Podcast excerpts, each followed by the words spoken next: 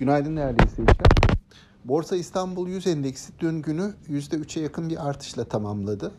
Önceki günkü e, düşüşler dikkate alındığında bu e, en azından trendte bir toparlanma eğilimine işaret ediyor.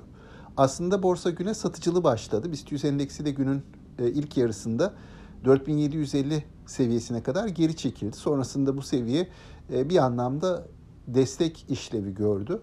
Ee, ve öğleden sonra yukarı yönlü bir hareket gördük. Özellikle son bir saatte hem işlem hacminde artış hem de e, bu yükselişin ivmesinin arttığını izledik.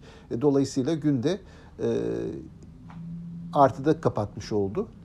Bugün piyasa tarafında borsadaki bu yükselişin devamı için 5000 seviyesinin aşılıp aşılmayacağı takip edilecektir. baktığımız zaman yurt dışı tarafta Dün e, nispeten sakin bir piyasa vardı. Bankacılık sektörüne dair endişelerin e, giderilmesiyle banka tarafında daha e, dengeli bir seyir izledik. Buna karşılık banka tarafındaki endişelerin arttığı bir dönemde e, yatırımcının yönelmiş olduğu teknoloji hisselerinde dün kar satışları vardı ABD borsalarında. Dolayısıyla onların endeksleri de hafif düşüş gösterdiler.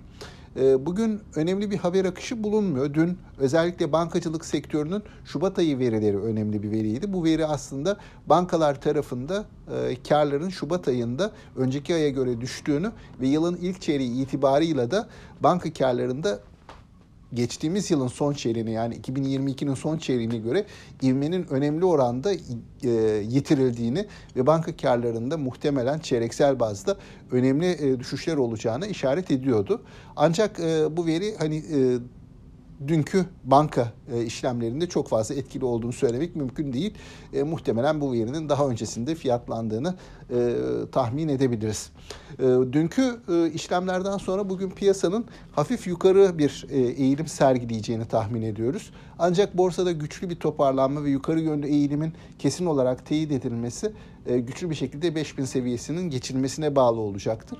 Yani şimdilik piyasanın bu seviye civarında oyalanabileceğini ve haber akışlarına bekleyeceğini e, öngörüyoruz. E, sağlıklı, bol ve bereketli kazançlı günler dilerim. Yeniden görüşmek üzere.